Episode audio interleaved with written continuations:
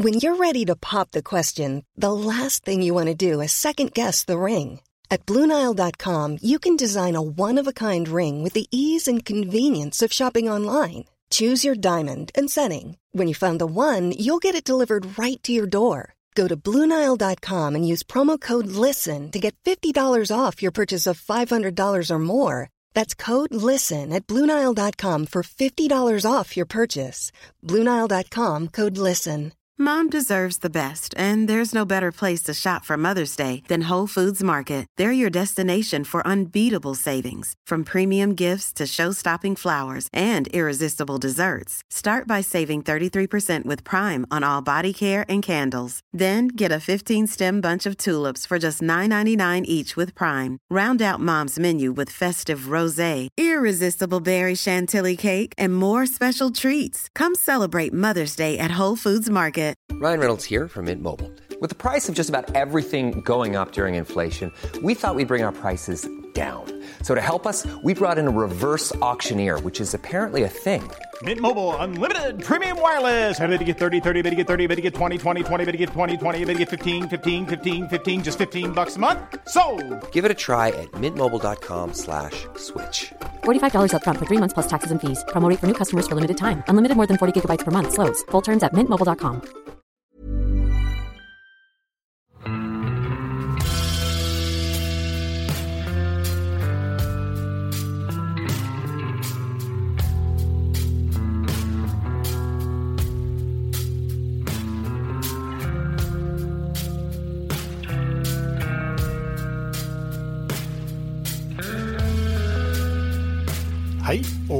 velkommen til podkasten Uteliv.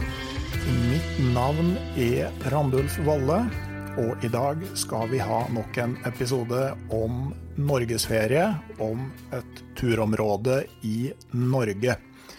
Og med meg til å snakke om et turområde i Norge har jeg Kristin Folsland Olsen, og da tror jeg ganske mange allerede gjetter at vi skal til Lofoten. Velkommen, Kristin. Tusen takk. Nå er jo sommeren etter hvert på vei til eh, Norge, og eh, uansett eh, Vi vet ikke akkurat når vi tar opp denne episoden her hvordan reglene blir for reise for utlendinger og sånne ting, men vi kan vel allerede nå si at det blir mindre trafikk av utenlandske statsborgere til Lofoten enn det bruker å være. Og sånn sett så kan vel det her være en ideell sommer for nordmenn å ta turen til det her øyriket. Ja, dette her tror jeg kan bli en litt sånn unik sommer, både for oss eh, som bor her, og for eh, nordmenn som ønsker å oppleve eh, det magiske øyriket litt sånn roligere enn det kanskje har vært de siste årene, da. Ja, har dere merka stor forskjell i vinter? Merka enorm stor forskjell i vinter. Det var liksom sånn på et knips når restriksjonene ble satt i gang. Da forsvant liksom turistene fra fjellet. Og det var ikke kø på parkeringsplassene lenger. og Man kom opp på fjellet og kjente faktisk de fleste folka som var ute på tur. Ja, det, for reiselivsbedriftene så er jo det her ikke helt ideelt, men det må jo være litt behagelig òg? Ja, altså det er selvfølgelig tragisk og har enorme konsekvenser for uh, ja, reiselivet, men også sånn samfunnet generelt uh, her lokalt.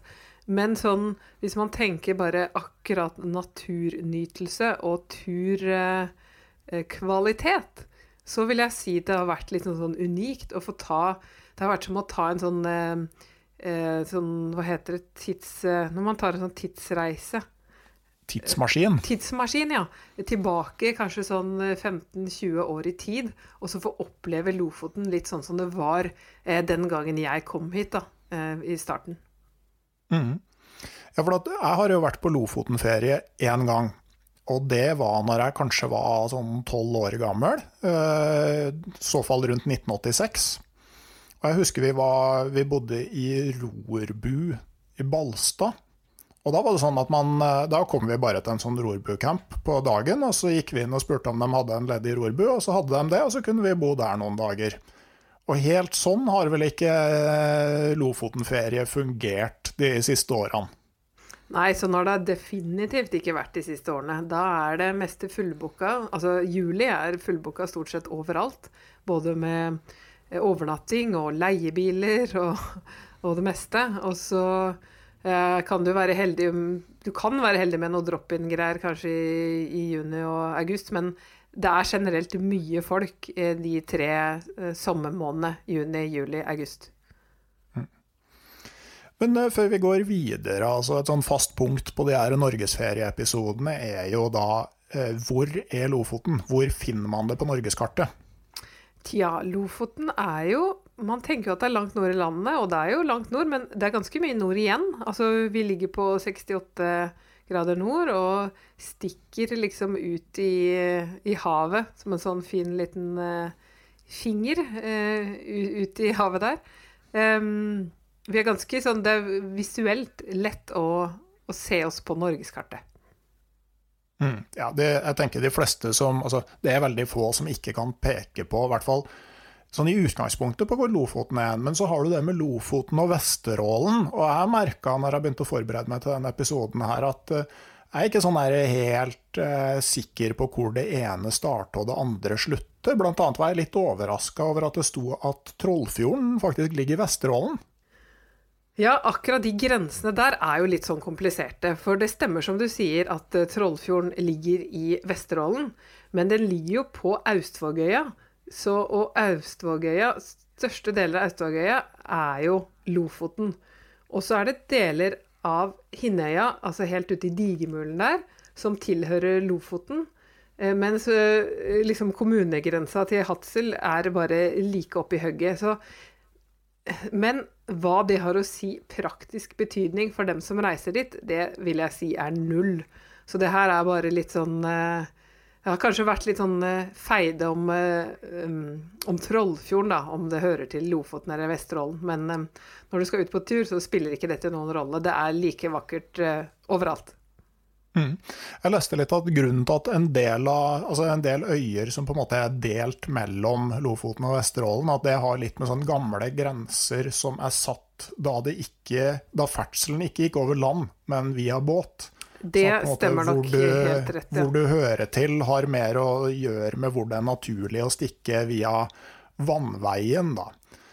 Ja, og det kan man jo egentlig se på hele Lofoten, hvordan uh, hvordan det ser ut her med hvor er det bebyggelse og hvor er det fiskevær. Det er jo, det er jo lagt etter, langs havet, etter der det var gode fiskemuligheter, og hvor man kunne ha gode havner.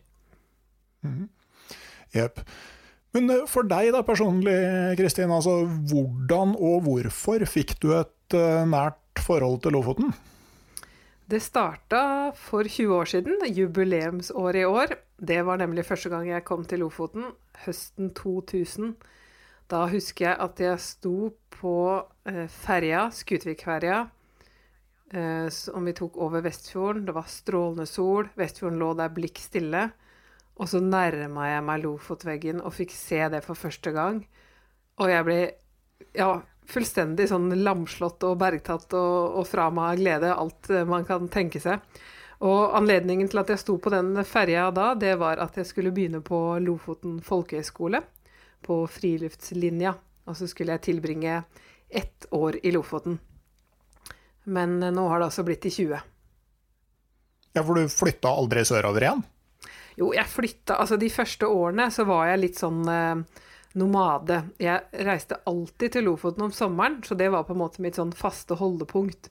Eh, da hadde jeg sommerjobb de første årene på Jeg jobba på Vinmonopolet, jeg jobba på Ror hotell.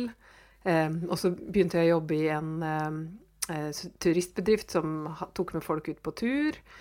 Ja, før jeg begynte å jobbe for meg selv, da. Men, men det var altså sånn fast sommerreise til Lofoten. Og så, etter kanskje sånn ti år eller noe sånt med det, da bodde jeg rundt omkring resten av året. Så bestemte jeg meg for at uh, nå har jeg Det, det fins ikke noe finere sted. Nå kan jeg like, like, så godt eh, flytte hit og få postadresse i Lofoten. Mm. Hvor lenge må man liksom bo der før man blir regna som uh, på en måte innbygdsboende, sånn mentalt? Oi, jeg lurer på hvem som setter reglene, og hvem jeg skal spørre om det. Eh, nå er jo jeg jeg fyller jo 39 Altså, jeg er 39 år nå. Og så har jeg da vært 20 år i Lofoten, så det er jo mer enn halve livet. Så kanskje det er nok? Kan jeg da regne som ekte nordlending? Ja, det var det. Altså, jeg opplever på en måte at um, altså sånn på kysten, altså f.eks. i Hammerfest, da, så er det nok på et vis raskere å bli eh, om ikke fullstendig assimilert, da, så blir det måte raskere eh, akseptert som en del av flokken enn f.eks. i et jordbrukssamfunn som der jeg vokste opp. Da. At er i fiskesamfunnene på kysten er mye mer vant til at folk har kommet og gått. Ja, sånn er det jo. Det har jo kommet eh, folk hit i over 1000 år som har kommet hit for å fiske. Og um, det, ja, det er som du sier, det, det er på en måte Det er en vane for Lofoten at det kommer tilreisende. Og de, de har alltid blitt eh, tatt godt imot. Og jeg har også blitt tatt veldig godt imot. Jepp. For et sånn fast spørsmål i de her eh, områdeepisodene er jo liksom hvorvidt området har en kulturhistorie som, som gjør opplevelsen av å være der rikere. Og det er jo nesten litt overflødig spørsmål når det gjelder Lofoten, for her, eh, her snakker du jo virkelig på en måte en kulturhistorie som ligger liksom helt til grunnen av det det vil si å være norsk, omtrent. Ja, det er jo eh, fisken som bygde landet, og det er jo på en måte Lofoten som er eh, opphavet til, eh, til mye av den rikdommen vi opplever i Norge i dag. Altså, torsken kom før olja, og det har vært en eksportvare i, i hundrevis av år.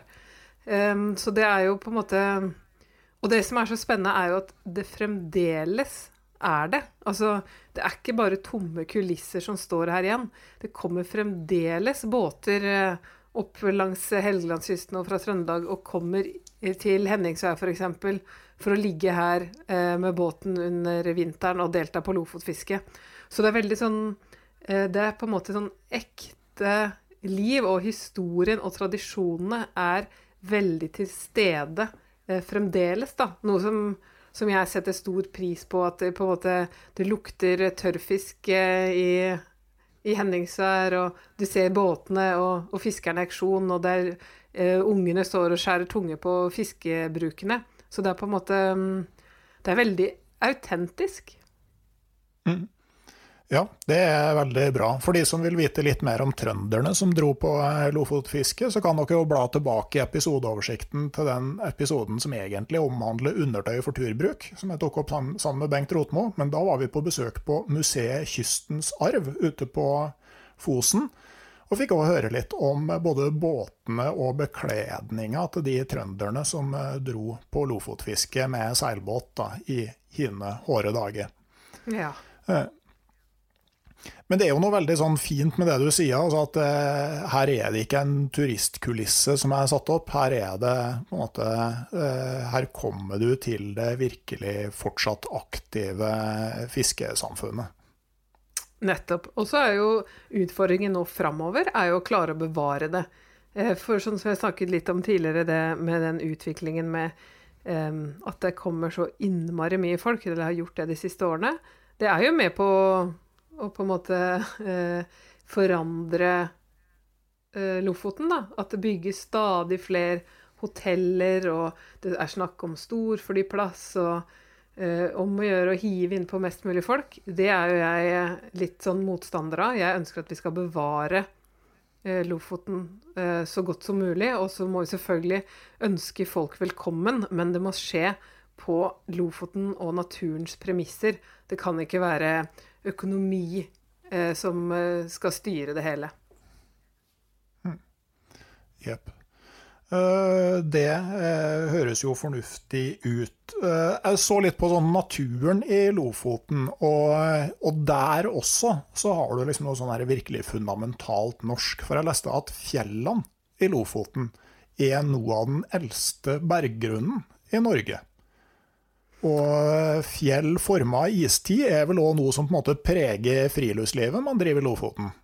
Ja, det er jo spisse tinner. Det ser jo her ut i Lofoten som det er liksom alpetopper man har kutta av de øverste 1000 meterne og bare plopp, dumpa det ut i havet. Sånn at fjellene går jo virkelig rett opp fra fjæra og, og opp til toppene.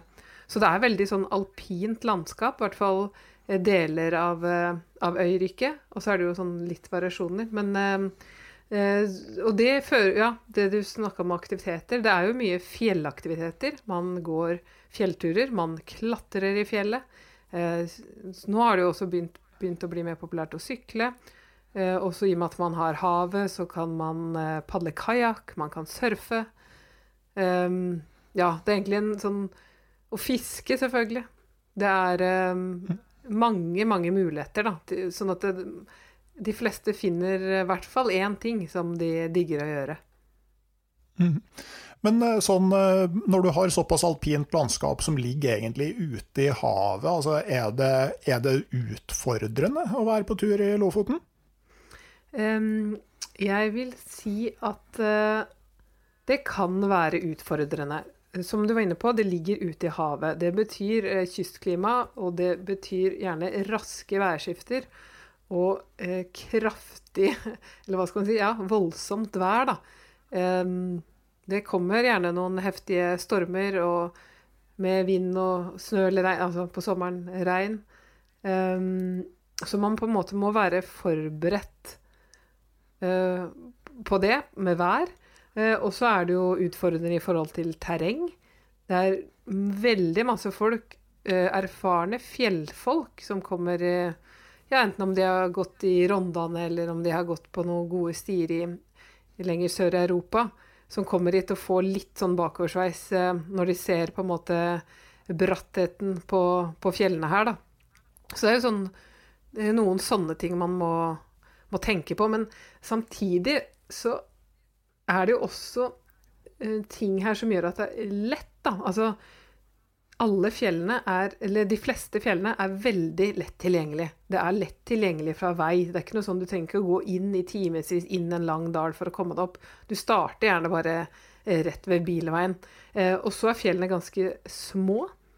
Eh, sånn vanlige turfjell man går på, er jo gjerne 600-800 meter. I motsetning til når du er i sørafor og opp eh, mot 2000. Så um, ja, både òg, vil jeg svare. Mm. Men jeg ser jo for meg at liksom den kombinasjonen av alpint terreng og eh, liksom vær- og siktforhold som kan endre seg ganske fort, er noe det er lurt å ha i bakhodet.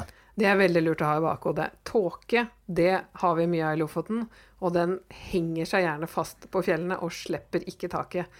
Så det må man være forberedt på. Og så Det er nesten sånn at du må være du må velge veldig tur etter vær.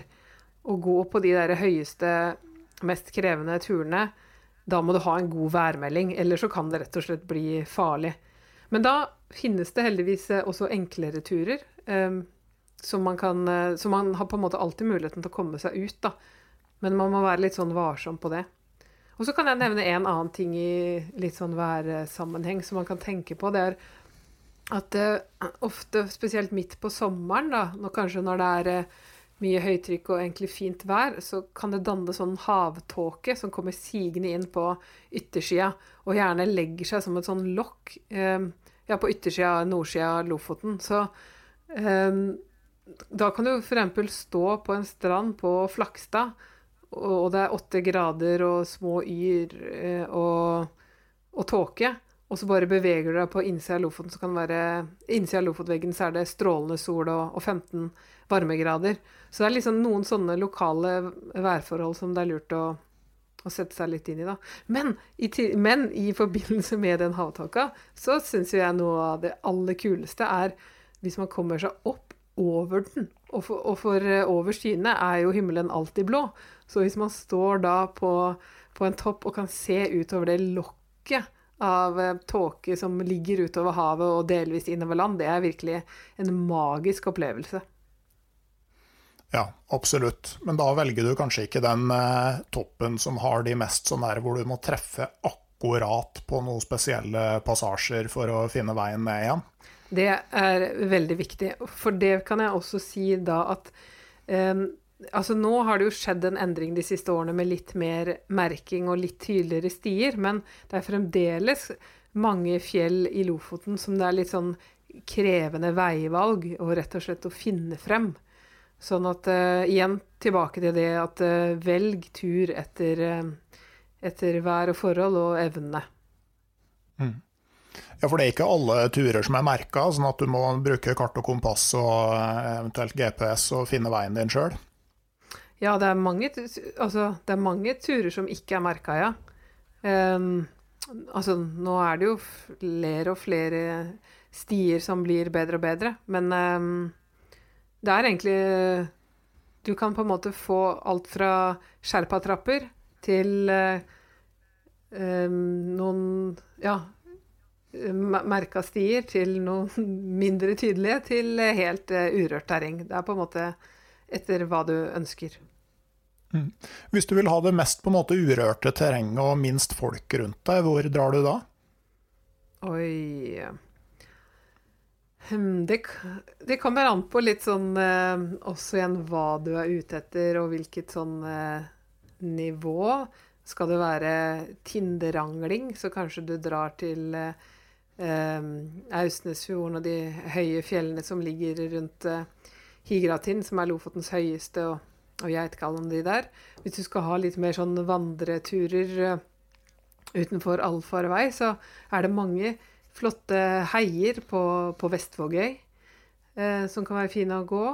Og så vil jeg trekke fram Værøy som et, eh, et veldig flott eh, turmål. Der, eh, det er jo en liten øy som du må ta eh, båt for å komme til. Enten fra Bodø eller fra Moskenes. Og så går det også helikopter fra, altså fra Bodø. Rutetrafikk.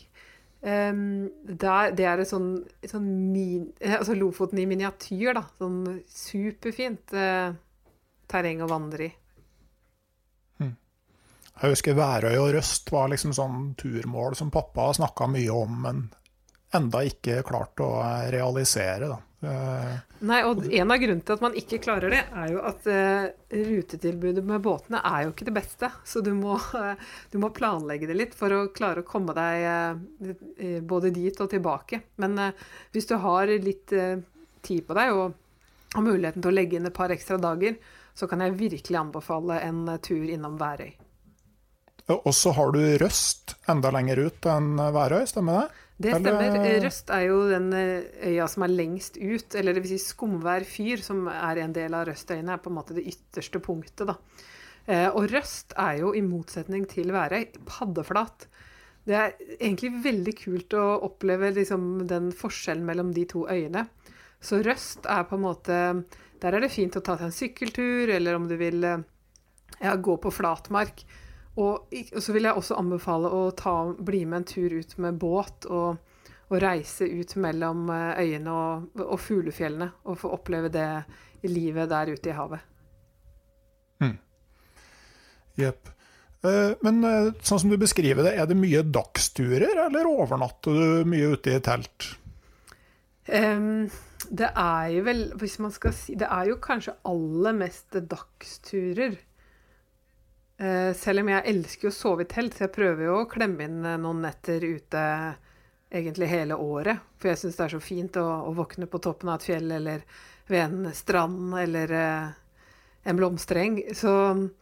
Men i og med at igjen det at eh, Lofoten er jo ganske lite og kompakt, og det går bilvei stort sett eh, langs hele, gjør at du liksom eh, Og at fjellene er små, gjør at det ofte blir sånn dagsturer, da. Men det kan man jo bare legge opp til selv hvordan man ønsker det. Har du, eh, har du et fjell og ei strand og ei blomstereng å anbefale som eh, teltplass? Nei. Jeg vil ikke anbefale noe teltplass eh, eh, sånn sett. Eh, for det er så dumt hvis det blir sånn veldig sånn overtrykk av folk. For det er jo det som er utfordringen. Men Eller OK, jeg trekker tilbake nei-et. Jeg kan godt si at eh, at man kan dra f.eks. til Uttakleiv, som er på Vestvågøy, på yttersida. Fantastisk eh, fin strand, og rett i nærheten av eh, fine fjell som Himmeltinden og Mannen. Og her er det også satt opp toalett, så da Og det er på en måte litt arrangert for flere folk. Så mm, For det er det som er på en måte litt vanskelig nå, når det At trykket på naturen er så stort, da. At, eh, for man vil jo egentlig oppleve freden og roen og stillheten og det urørte. Men når alle skal oppleve det samtidig, og området er lite, så går jo ikke det regnskapet helt eh, opp. Så, men eh, min anbefaling er i hvert fall å være veldig varsom og veldig Som jo regner med alle lytterne dine er, Andulf, eh, tar, eh, godt, eh, tar godt vare på naturen og prøver å legge minst mulig avtrykk igjen etter seg. Mm. Jeg må innrømme for min del det er sånne ting som jeg har blitt mye mer bevisst på, spesielt det rundt sånne doforhold og sånne ting. Etter at jeg flytta tilbake til Trondheim og begynte å dra på tur i områder hvor mange flere er på tur. Altså Ja. Langt oppe i Øvre Anárjohka nasjonalpark så er det ikke så veldig mange som kommer bort til dopapiret du stikker inn under en uh, vierbusk før det er borte. Men i Bymarka i Trondheim eller i, i Lofoten så er det der en, en helt annen historie. Ja, det er det. det. Og det blir liksom et problem, for at eh, det, det er kjipt for lokalbefolkningen, eh, som får eh, dobesøk omtrent i hagen. Og så blir det jo også kjipt for eh, folk som er på tur, når du skal gå rundt og, og vasse rundt i gammelt dopapir. Så, men hva på en måte helt løsningen er altså, Man må kanskje være enda flinkere til å, til å grave ned og Når det gjelder dopapir, så er det fint å ha med seg en pose som du putter oppi og tar det med hjem igjen. Det, det er jo Spesielt på dagsturer og kortere overnattingsturer så er det en veldig effektiv måte å løse problemet på. Altså, Sjølve etterlatenskapene har nå naturen rutiner for å kvitte seg med sånn eh, rimelig fort, i hvert fall. Men eh, i hvert fall Ja. få med seg papiret hjem. Ja, god idé. Ja. Men eh, på tross av at du ikke vil gi noe veldig mye konkrete anbefalinger til oss, så har du da gitt ut ei turbok med turer i Lofoten. Kan du si litt om den? Den kan jeg si litt om. Den kom ut første opplag i 2013. Den gang var det 50 turer, og så har jeg siden økt eh, til 60 turer.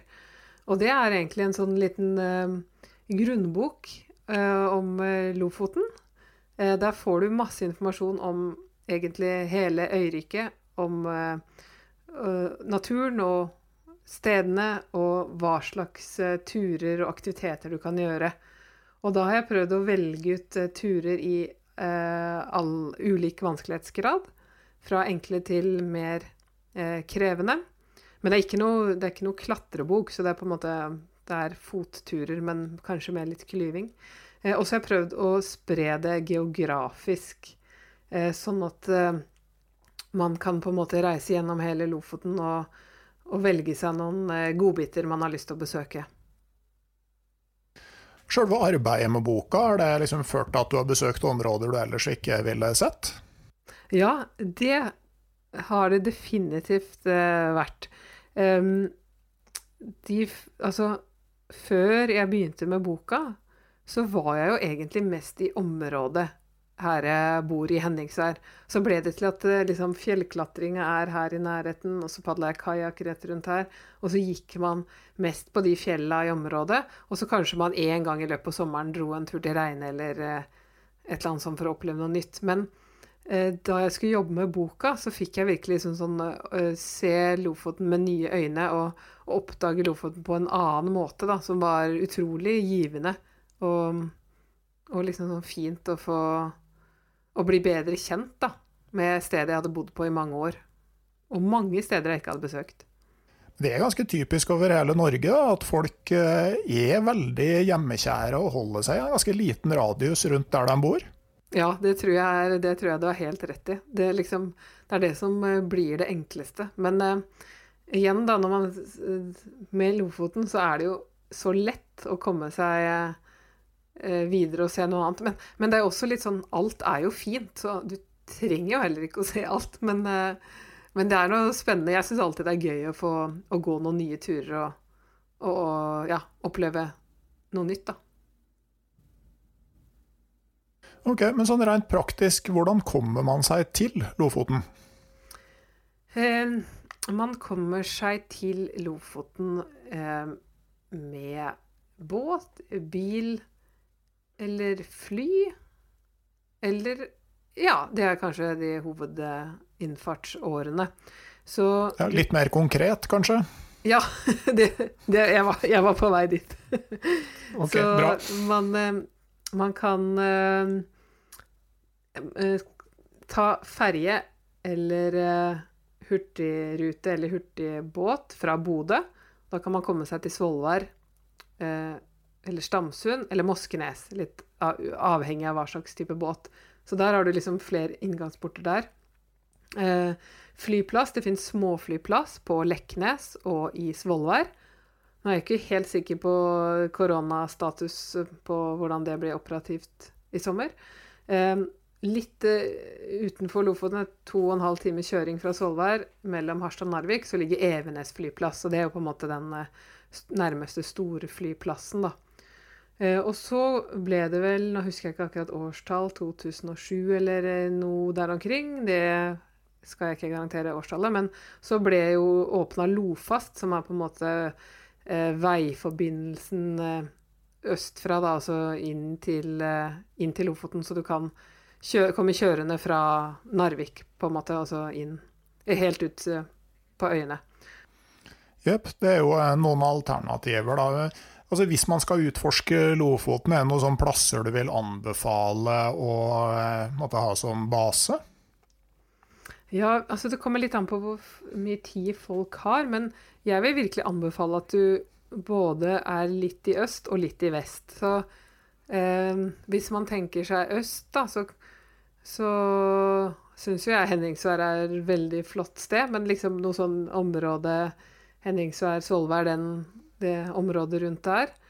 Og så kanskje ta noen dager her og, og, komme seg på turene i nærheten.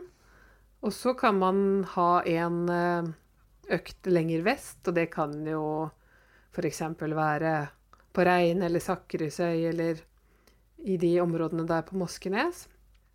Eller eh, steder som Balstad eller ah, Det er så mange fine plasser, da, men, men kanskje ja, dele det litt opp i to, da. Sånn at man ikke trenger å kjøre så langt og bli litt kjent med, med området man bor, og få gått på noen restauranter og, gått på noen fjell og, og få bada litt på ulike strender. Ja. Uh, altså, ny informasjon for meg var faktisk at det har blitt nasjonalpark helt ytterst i Lofoten. Lofotodden nasjonalpark, oppretta i 2018. Har du vært noe mye ja. på tur der? Eh, jeg har jo ikke Eller nå husker jeg faktisk ikke akkurat hvor grensene går, ja, men jeg har jo eh, definitivt vært uh, på tur der. Um, men jeg har jo ikke noe lurt å si om den. Nei. Det, det, var i hvert fall sånn for min del, så var det, så det var en sånn grønn grense utpå der. Og det er en nasjonalpark som jeg ikke har fått med meg at har blitt oppretta. Så det, hvis det er folk som samler på nasjonalparker, så har du ikke vært der, så, så er det jo noe å sette på lista, det òg. Ja, absolutt. Mm. Jøp. Um, hvor finner man mer informasjon om Lofotene? Jeg vil jo anbefale å kjøpe boka mi. mm -hmm. der, eh, der, står det faktisk veldig mye av det man trenger å vite. Eh, så er det jo selvfølgelig på internett Hva heter det Destination Lofoten, som er på en måte det lokale reiselivsselskapet. De har jo masse informasjon, så man, der kan man få, få god hjelp. Um, ja, ellers så er det jo ganske lett å søke opp og, og finne ting på internett. Lofoten er jo veldig populært, eh, mye besøkt eh, område. Så Men ja, ja igjen. Eh, boka mi, der er på en måte ting samla. Da har du én kilde å, å starte med, i hvert fall. Mm. Hvor får man tak i den? Den kan man bestille på diverse ulike nettbokhandlere, og, og, gjerne gå til bokhandleren din og si at du har lyst til å, å, kjøpe den. Det er eh, flere som har den inne rundt omkring i landet, så det er litt, eh, litt varierende hvem som tar den inn. Mm. Yep. Turguide uh, Lofoten heter den, hvis du søker den opp. Ok, ja. Så kan man jo besøke Instagram-profilen din for litt sånn Lofoten-inspirasjon. Gjerne det. Det er Kristin Hva er den igjen? Kristin Folsland er uh, Instagram-kontoen min. Ja, som vanlig så legger vi sånne linker i episodeinfoen til den episoden her. Um, er det noe til slutt du har eh, lyst til å, noe ekstra du har lyst til å legge til om Lofoten? Ja, hva skal det være, da? Altså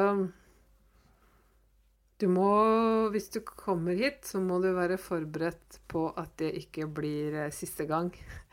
Det er lett å la seg forelske i Lofoten, og, og det gjør noe med folk. Det er liksom sånn Jeg tror mange blir eh, rørt og bevega dypt inn i hjerte og, og sjel, fordi det er et eller annet med den skjønnheten og energien og det magiske lyset som virkelig setter eh, preg på folk, da.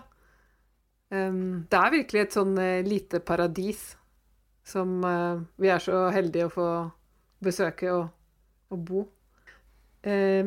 Så var det litt det jeg var inne på, at det virkelig sånn Gjør ditt beste for å ta vare på Lofoten. Det er min største oppfordring. Mm -hmm. Da har jeg bare ett spørsmål igjen. Da. Etter 20 år bosatt mer eller mindre i Lofoten, har du fortsatt en drømmetur i Lofoten som du ikke har gjort ennå? Oi! Spennende spørsmål. OK. Ja, da kan jeg si at jeg har ikke Jeg må komme meg på toppen av Rulten. Der, jeg var på vei opp der for to år siden, og det var, det var en sånn sinnssykt varm dag med fluer og 20 varmegrader, og vi styra og rota litt. Eh, og kom oss aldri opp på toppen og måtte returnere med uforrettet sak. Og der, eh, ja Men det fjellet står der, jeg kikka mye på, så det blir kanskje Det blir svaret mitt. Det blir eh, en klatretur på Rulten. Hmm. Og det sier jo sitt, da. Etter å ha bodd så lenge i Lofoten, så er det fortsatt ting å ta av. Tusen takk for at du ville være med og eh, opplyse lytterne, Kristin. Jo, bare hyggelig. Ja. Eh, da er det på tide å runde av her. Sie Sier takk for meg. Og hvis lykken står oss bi, så kommer det en ny episode av podkasten Uteliv om ei uke. Ha det bra. Ha det!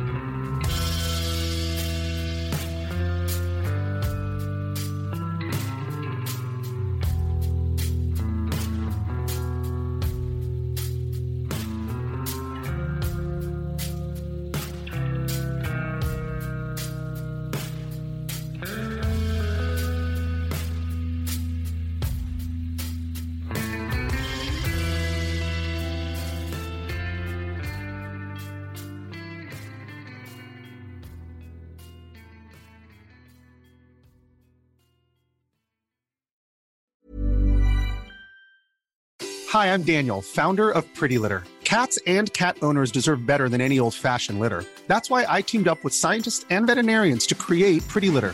Its innovative crystal formula has superior odor control and weighs up to 80% less than clay litter. Pretty Litter even monitors health by changing colors to help detect early signs of potential illness. It's the world's smartest kitty litter. Go to prettylitter.com and use code ACAST for 20% off your first order and a free cat toy. Terms and conditions apply. See site for details. Planning for your next trip? Elevate your travel style with Quince. Quince has all the jet setting essentials you'll want for your next getaway, like European linen, premium luggage options, buttery soft Italian leather bags, and so much more. And is all priced at 50 to 80% less than similar brands. Plus, Quince only works with factories that use safe and ethical manufacturing practices. Pack your bags with high-quality essentials you'll be wearing for vacations to come with Quince. Go to quince.com slash pack for free shipping and 365-day returns. Mom deserves the best, and there's no better place to shop for Mother's Day than Whole Foods Market. They're your destination for unbeatable savings, from premium gifts to show-stopping flowers and irresistible desserts. Start by saving 33% with Prime on all body care and candles. Then get a 15-stem bunch of tulips for just $9.99 each with Prime. Round out Mom's menu with festive rosé, irresistible berry chantilly cake, and more special treats. Come celebrate Mother's Day at Whole Foods Market. Hei, jeg heter Nore Helligsen og er daglig leder i Barents Outdoor. Det beste vi kan gjøre for planeten, er å redusere forbruket vårt og få mer ut av det utstyret vi allerede har. Men vi vet av erfaring at bruken av telt kan endre seg over tid. Det teltet du kjøpte for to år siden, passer kanskje ikke det behovet du har i dag. Derfor har vi i Barents etablert en egen panteordning der vi tar imot brukte telt av god kvalitet i innbytte når du kjøper et nytt av oss. Prosessen er enkel. På barentsoutdoor.no gir du oss informasjon om teltet du vil bytte inn. Basert på det får du et tilbud fra oss som gir deg rabatt på ditt neste Barents-produkt. Mer info og betingelser finner du på barentsoutdoor.no. Og husk at den første reparasjonen på produkter fra Barents er alltid gratis.